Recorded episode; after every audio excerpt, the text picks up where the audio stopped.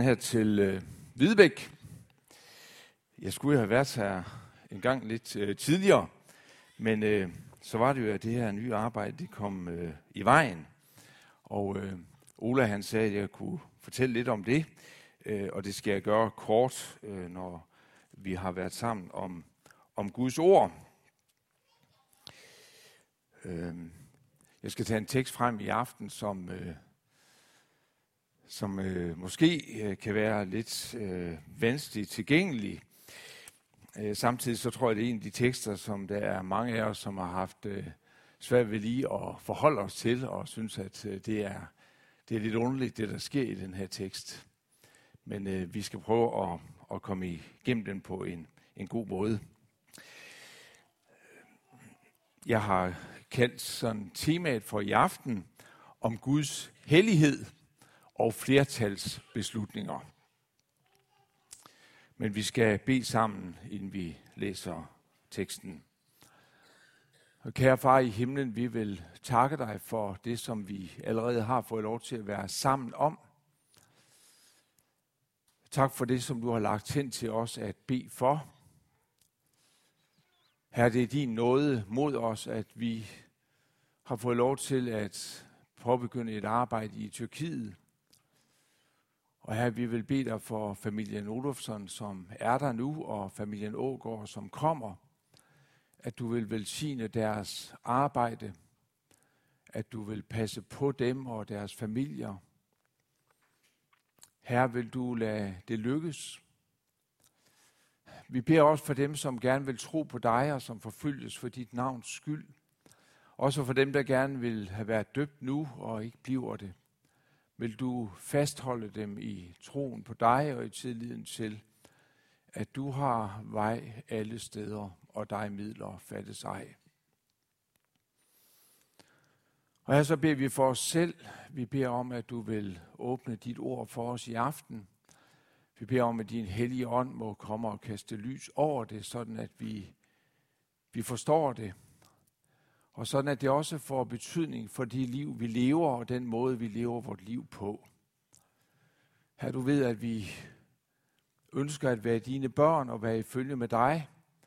Og derfor beder vi om, at du også vil vejlede os til at leve det liv, som du har kaldt os til at leve. Giv du hver enkelt af os i aften, hvad vi har behov for, så vi får netop det med hjem, som, som vi har brug for. Her det beder vi dig om i Jesu navn. Amen.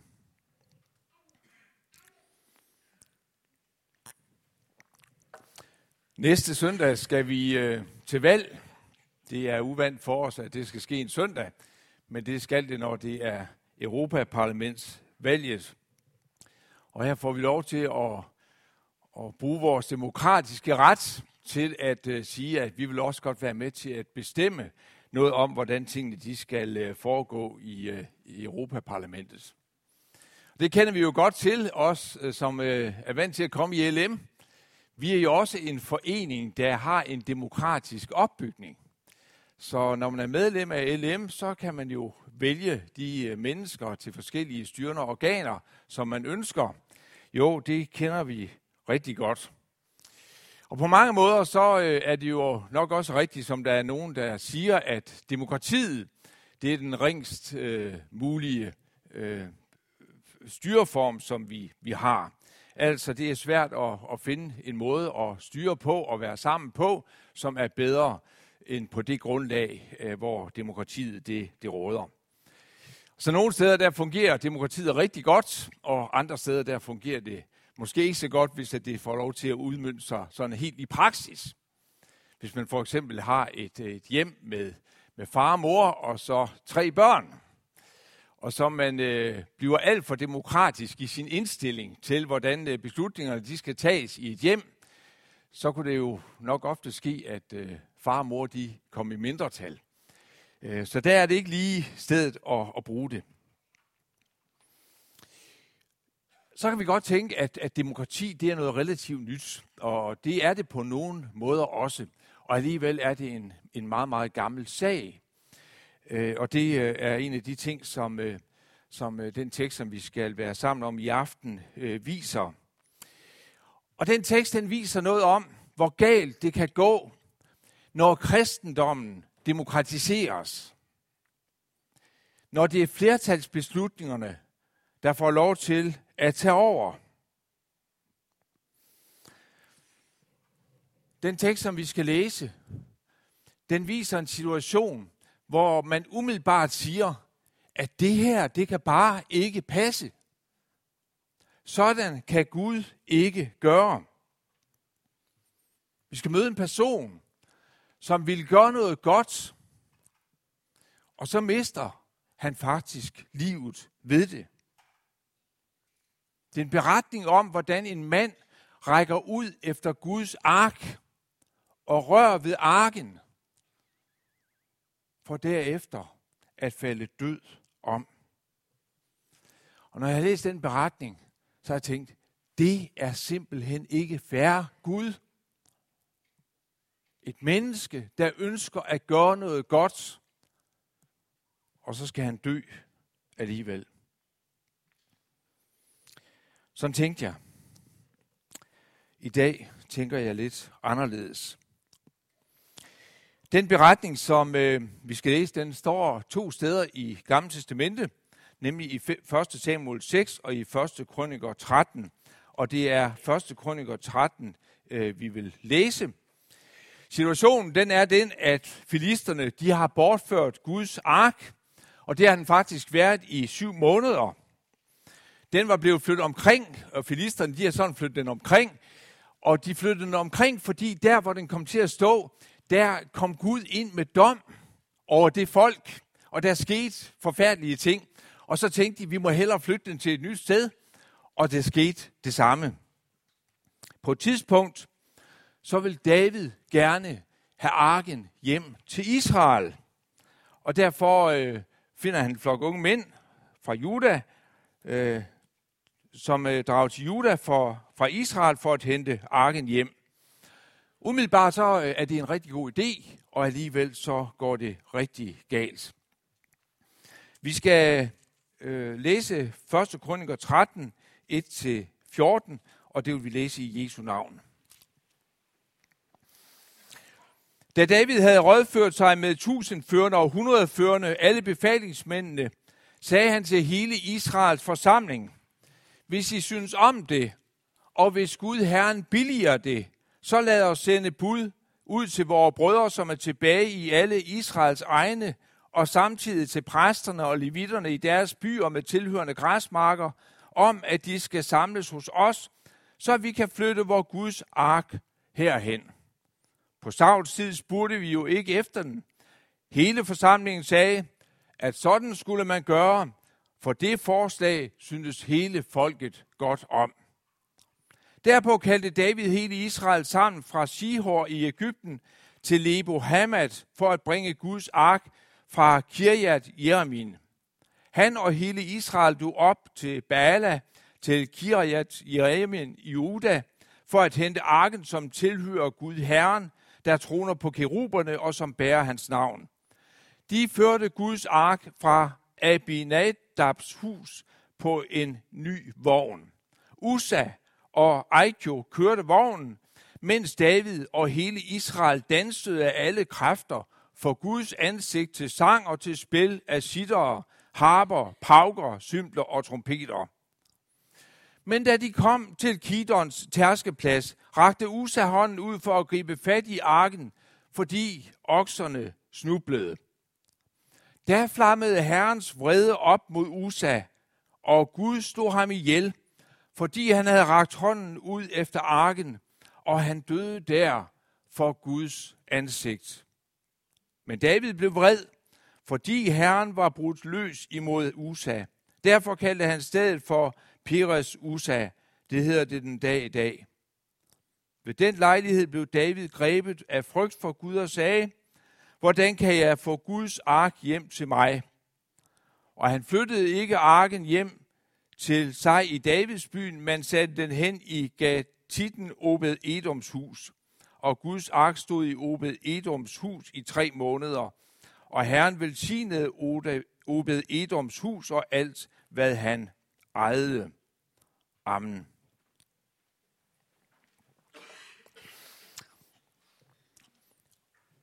Nogle gange læser vi Bibelen, og nogle gange læser vi om noget, som vi tænker, det her det er simpelthen ikke resonabelt.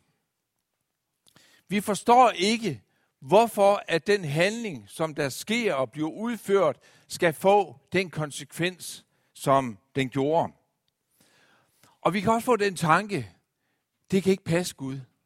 Det kan simpelthen bare ikke passe. Og så kan vi begynde måske at gå i rette med Gud og sige, at hvis du er en Gud, der gør det, er du så en Gud i det hele taget.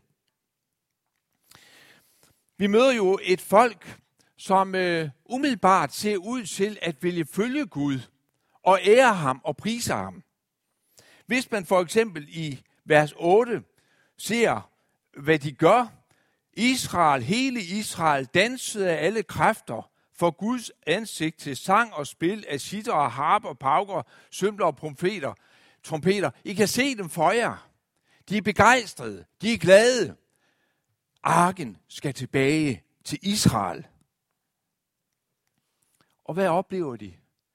De oplever, at Gud vender ryggen til al deres dans, til al deres lovsang, til alt, hvad de gør i kapitel 13. Og så går du over, hvis du gør det, i kapitel 15. Og så kan du læse om akkurat den samme virkelighed. De danser, de jubler, de er glade. Og hvad sker der der? Der står der en Gud, der tager imod deres lovprisning. En Gud, der er velvillig stemt mod folket. Hvad er forskellen? Forskellen er, at i kapitel 13, der er folket ulydigt. Og der følger de ikke Guds ord. I kapitel 15, der har folket lært lydighed, og de følger Guds ord, og de handler i overensstemmelse med det. Det kommer vi tilbage til. Hvis vi tager vers 1, hvad er det så, David siger?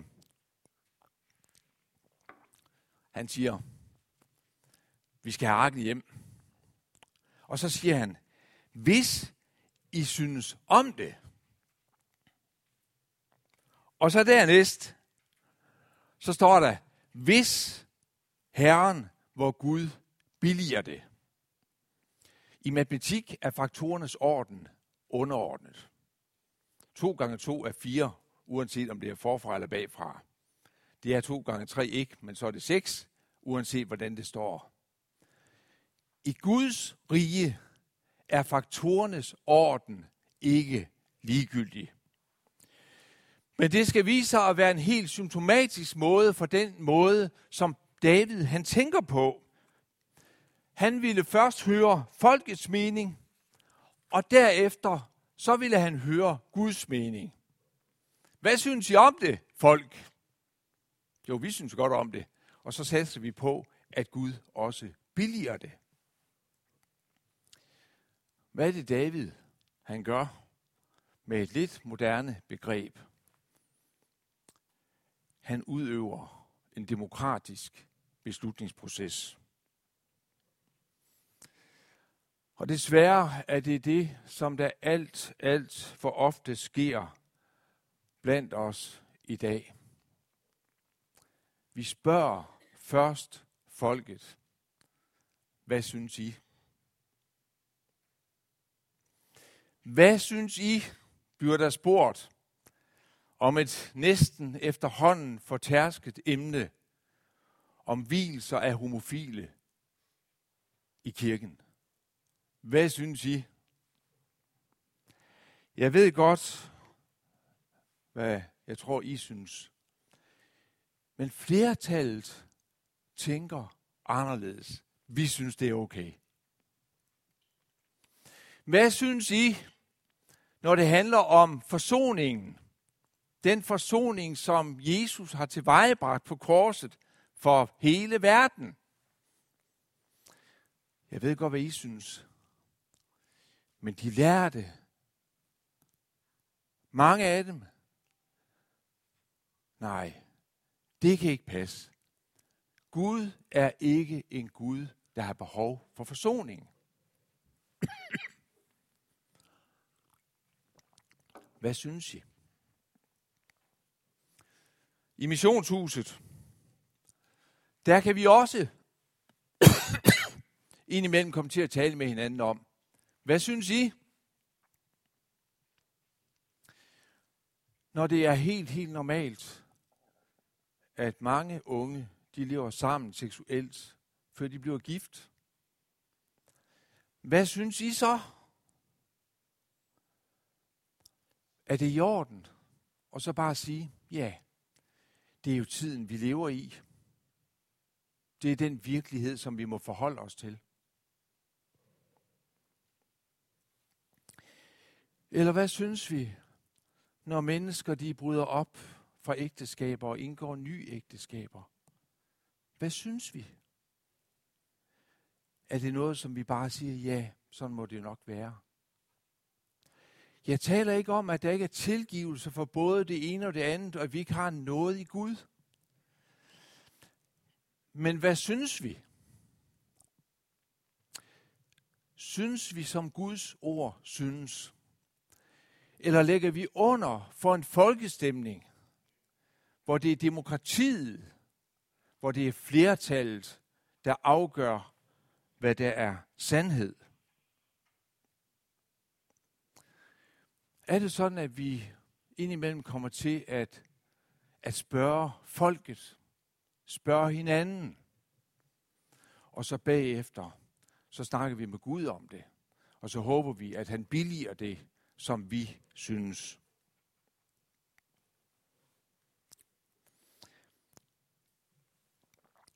I vers 4, der står der, hele forsamlingen sagde, at sådan skulle man gøre, for det forslag syntes hele folket godt om. Hvordan kan jeg bringe arken tilbage? Sådan skulle man gøre, sagde folket. Sådan skulle man gøre. Så fandt man modellen for, hvordan man skulle få arken hjem. Men det viste sig, at det var ikke en god model. For modellen var imod Guds ord. Indimellem, der synes jeg, at det kan ske for mig selv, at jeg kommer til at stille det der, hvordan spørgsmål, inden jeg kommer til at, at stille spørgsmål til Gud. Hvordan skal vi gøre det her? Og så kan vi øh, begynde at tale metoder. Så kan vi begynde at tale strategier. Og så skal vi finde ud af, hvordan vi lige skal gøre det her. Og så bagefter, ja, så får vi måske Gud med på banen. Så får vi bedt over det, som vi tænker os at gøre. David var i den situation, at han først bad til Gud, efter at uheldet var ude. Det var først, da det var gået galt, at David bad til Gud.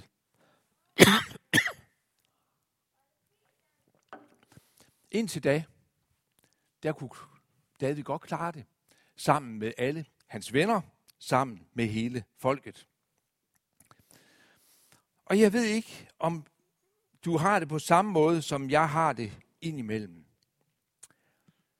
Nemlig at når jeg selv kan, så kan jeg meget hurtigt komme til at arbejde i egen kraft.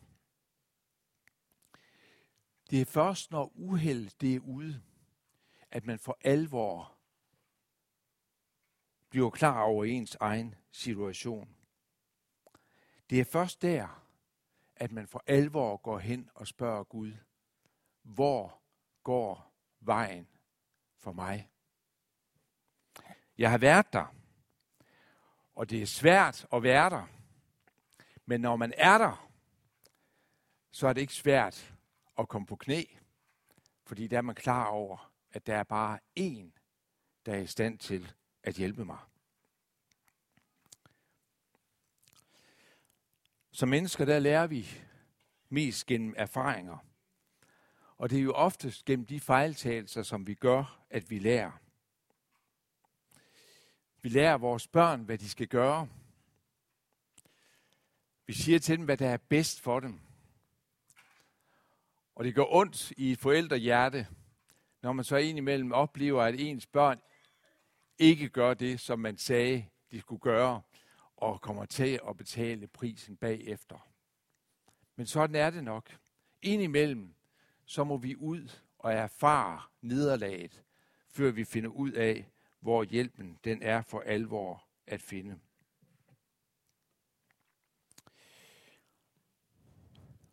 David lærte, hvad han skulle, men han lærte det for sent.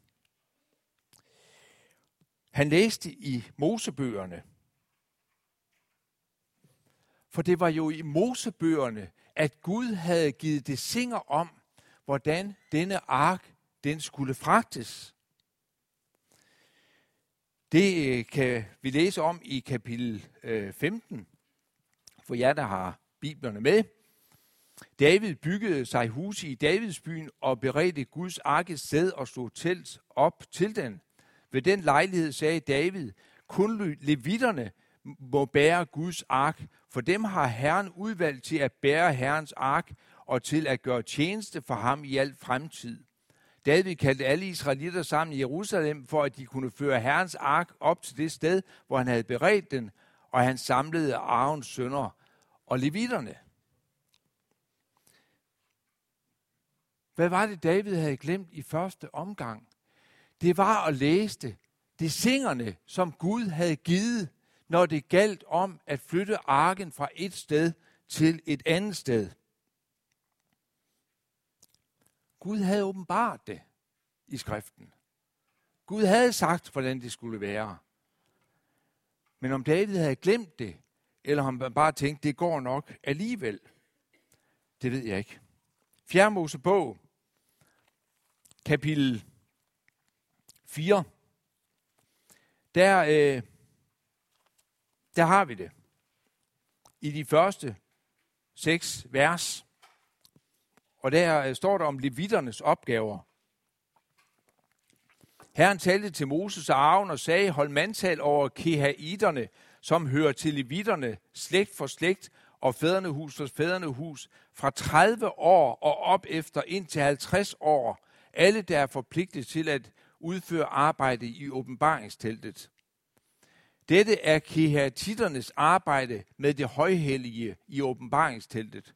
Når lejren skal bryde op, skal arven og hans sønner komme og tage forhænget ned, og de skal dække vidnesbyrdets ark med det. Ovenpå skal de lægge et dækken af delfinskin, og de skal brede et purpurblåt klæde i et stykke ud over det, så skal de anbringes bærestængerne. Det var kun kehetitterne, som hørte til levitterne, altså præsteslægten, som måtte bære arken. Og læg mærke til, og det tager vi som en parentes her i første omgang, at de skulle være mellem 30 og 50 år. Det er der faktisk en øh, tanke med, også når vi ser det i Ny Testamentlig perspektiv. og så lægger I mærke til, at arken skal bæres på to bærestænger. Det var det, som øh, Gud han havde sagt. Det er super. Jeg ved ikke, hvorfor jeg har det sådan med halsen i dag. David, hvad gjorde han?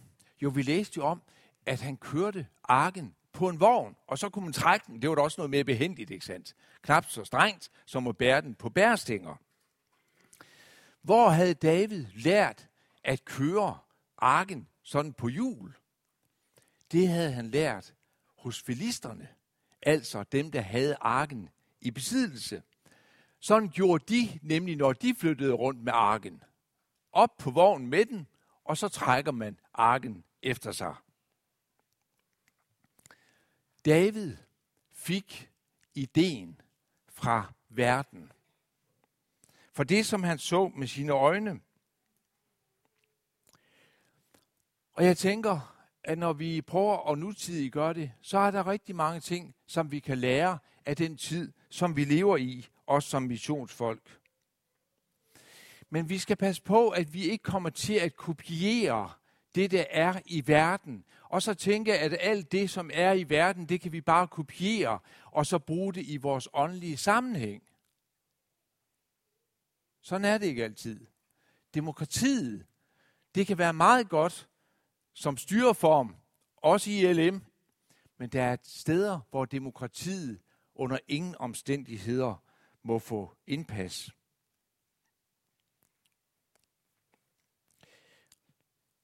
Hvad var det, David han gjorde? Han tog og sagde, sådan gør filistrene, sådan gør vi også. Og så gjorde han en ting mere. Han sagde, det er ligegyldigt, hvem det er, der gør det her. Men det var ikke ligegyldigt, fordi det var levitterne eller keretitterne, som skulle gøre dette arbejde.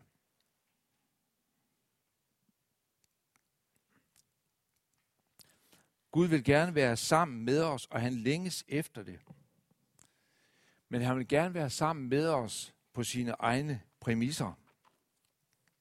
Og det er det, som der står om i vers 13 i kapitel 15. Det var jo fordi I ikke var med forrige gang, at Herren, vor Gud, brød løs mod os, for vi søgte ham ikke på den foreskrevne måde. Der er en måde, som Gud ønsker at møde os på. Og det har vi fået åbenbart gennem de hellige skrifter, gennem det profetiske ord, det apostoliske ord. Vi behøver ikke at være usikre på, hvordan Gud vil møde os, for han har givet sig til kende. Og jeg ved ikke, hvordan du har det, men nogle gange så tænker jeg, er jeg der, hvor jeg skal være som kristen? For jer, der ved lidt om brødremenigheden, så ved I, at, at man har i brødremenigheden et løsensord og et læreord til hver dag året rundt. Og i dag øh, hjemme på kontoret, der læste jeg øh, læreordet, og det er jo fra Matthæus evangeliet kapitel 6, kapitel 7 øh, er det. Og der, det er de her alvorlige ord, hvor der står, ikke en hver, som siger, herre, herre, til mig skal komme ind i himmeriget, men kun den, der gør min himmelske fars vilje. Mange vil på den dag sige til mig, herre, herre, har vi ikke profeteret i dit navn, og har vi ikke uddrevet dæmoner i dit navn, og har vi ikke gjort mægtige gerninger i dit navn? Og der vil jeg sige dem, som det er, jeg har aldrig kendt jer, bort fra mig, I som begår lovbrud. Gud, vi har lovprist dig, vi har sunget for dig. Vi har bedt til dig. Vi har arbejdet i dit rige. Gud giv, at vi ikke må høre det her ord fra Matthæus 7, den dag, vi står for domstolen. Men det er noget, vi skal overveje. Det er noget, som vi skal tænke på. Det er alvorligt.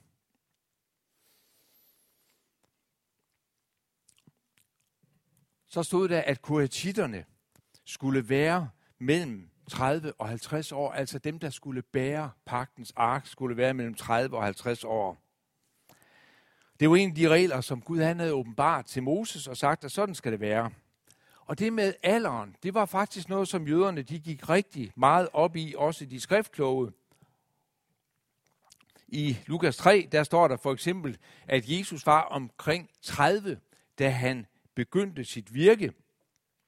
Og så i Johannes evangelie kapitel 8, der udfordrer jøder ham, jøderne ham ved at påpege, at han endnu ikke er 50 år. Så vi møder altså den samme talsammensætning i Gamle Testamente som i Nye øh, Testamente. Der er noget, der har en betydning. Der er en lige linje fra koetitterne til Nye Testamente. De kunne godt se det at der var en, der var 30, og en, der var 50, og det havde en betydning.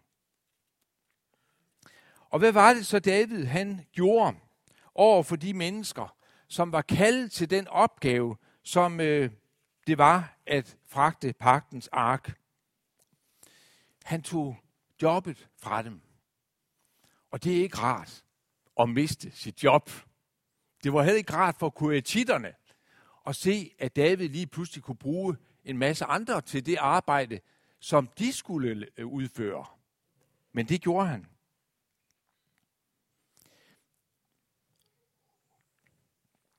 Indimellem tænker jeg, at på samme måde, så kan vi komme til at tage, vores, kan vi komme til at tage jobbet fra Jesus. Altså tænke, at, øh, at det, som, som øh, Jesus kunne gøre, det kan, vi, det kan vi faktisk godt klare. Øh, på et tidspunkt var jeg ansat i KFS, det er rigtig, rigtig mange år siden. Men der, jeg kan til stadighed huske, hvordan jeg oplevede hvor besværligt det var at komme ud og evangelisere, og stå ved bogbordene og skulle i kontakt med folk og snakke med dem om Jesus. Og når jeg skulle køre fra Odense til Forborg, så var der ikke nogen problemer med at overholde fartbegrænsningerne, fordi jeg tænkte, desto senere jeg kommer frem, desto færre timer er der til at blive udfordret øh, ved det her bogbord. Så til sidst så var det simpelthen ved at blive rigtig slemt øh, for mig. Og det er jo ikke rart at være ansat til at gøre noget, som man dybest set tænker, at øh, det, øh, det er altså ved at blive forventet det her. Indtil jeg fandt ud af, at det, som jeg gør, det gør jeg på Guds ansvar. Og det er noget helt, helt andet. Hvad var det, jeg i første omgang gjorde? Jeg tænkte, jeg skal ud og udføre det her job. Jeg skal gøre den her opgave færdig. Jeg skal sørge for, at der er nogle mennesker her, der lærer Jesus at kende og kommer til tro på ham. Og så, så, så fandt jeg ud af, hvad er det, jeg gør? Jeg tager jobbet væk fra Jesus. Det er hans job. Det er ham, der må gøre det. Jeg må være et redskab, men det er ham, der skal overbevise de her unge studerende om, at Jesus er værd at tro på. Og sådan har jeg det med mine naboer hjemme i Hillerød dem tænker jeg også, det ville være rigtig godt for dem at blive kristen.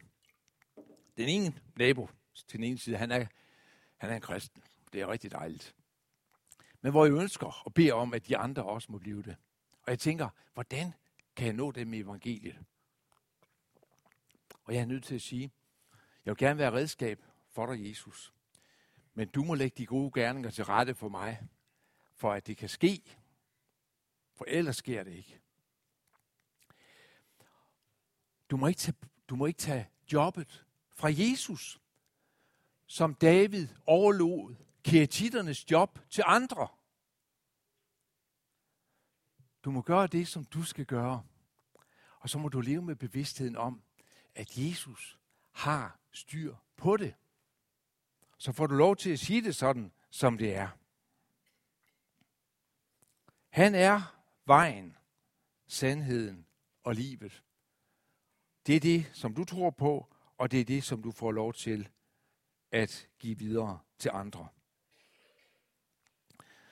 Og så tror jeg, der er en ting mere, øh, vi skal lære. Det er, at i stedet for at gå foran, at gå foran Jesus, så skal vi følge efter Jesus. Vi beder jo ofte Jesus om at velsigne det, som vi gør, og det skal vi fortsætte med at gøre. Jeg tror, vi skal måske have endnu mere fokus på at bede Jesus om at vise os vejen. Vi skal gå. Hvor er det, du vil bruge mig, Herre, i din tjeneste? Hvor ligger vejen for mig? Hvor ligger vejen for vores missionsforening? Det må vi gøre, og så lad Jesus stå i front.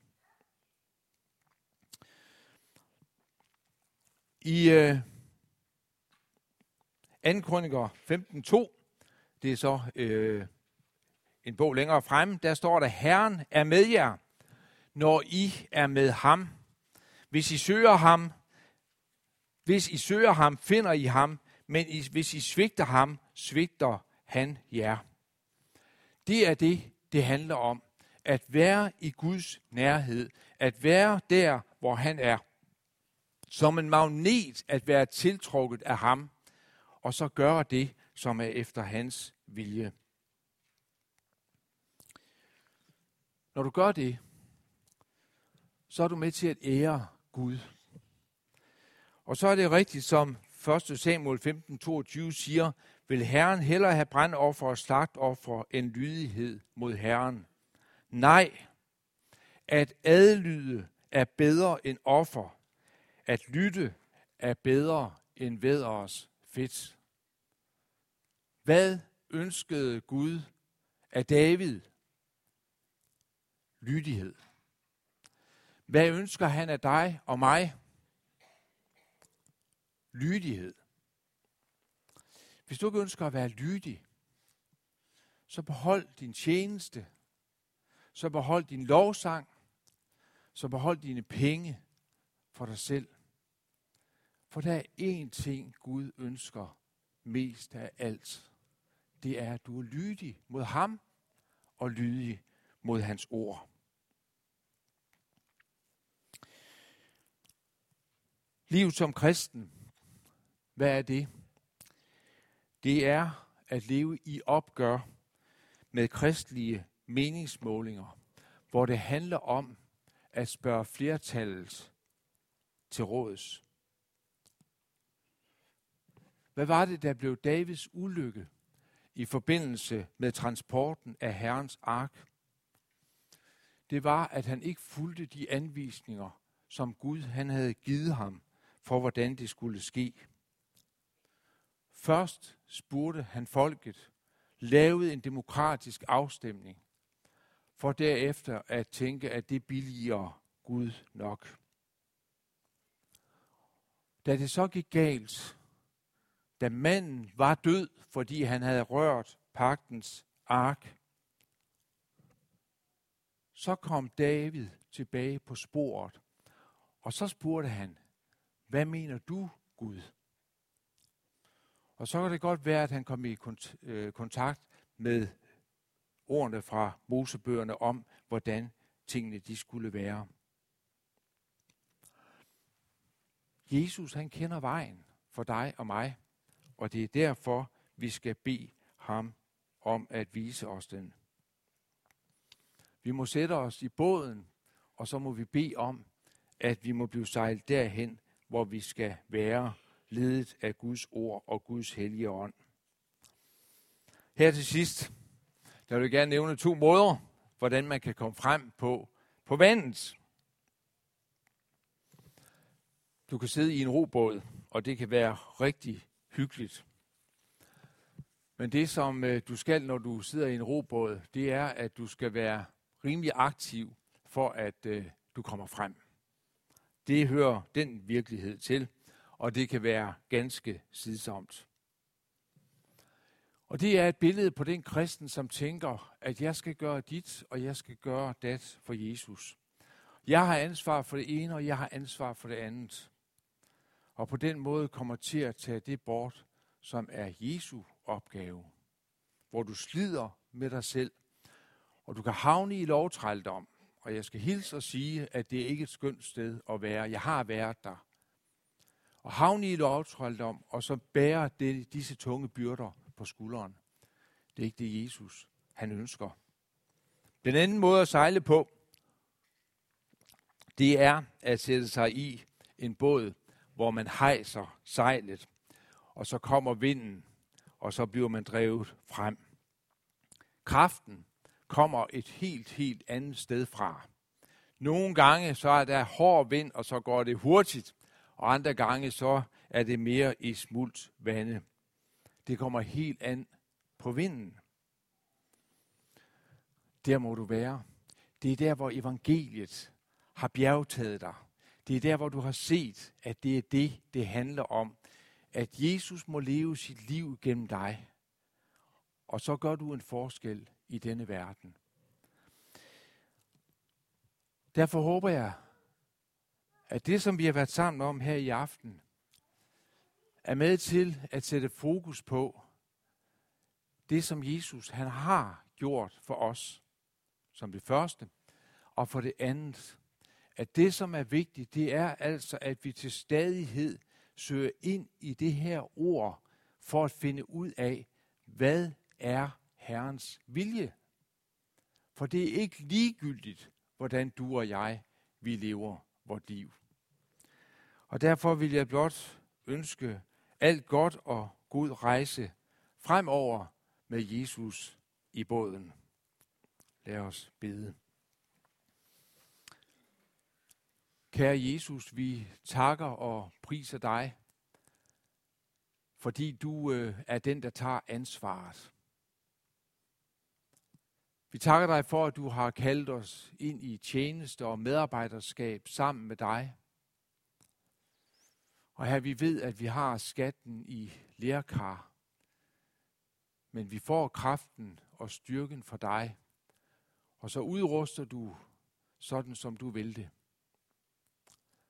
Og her så beder jeg dig om, at vi må til stadighed søge ind i dit ord og læse om, hvordan du ønsker, at vi skal leve vort liv. Jeg beder dig om, at vi må lære lydighed, ligesom du lærte lydighed, Jesus. Og jeg beder dig om, at vi må forstå, at hvis vi er ulydige og ikke giver agt på dit ord, men lever sådan, som vi selv vil det, så er vi ikke længere i fællesskab med dig. Og her så ved du godt, at vor lydighed, den holder ikke. Du ved, at vi svigter dig. Du ved, at vi synder, selvom vi ved, hvad der er det rigtige. Her vi takker dig for, at vi må leve i syndsforladelsens rige, og vide, at uanset hvad, så elsker du os og ønsker os hjem til dig. Jeg beder om, Herre, du bevarer os, så vi alle når det hjem. Amen.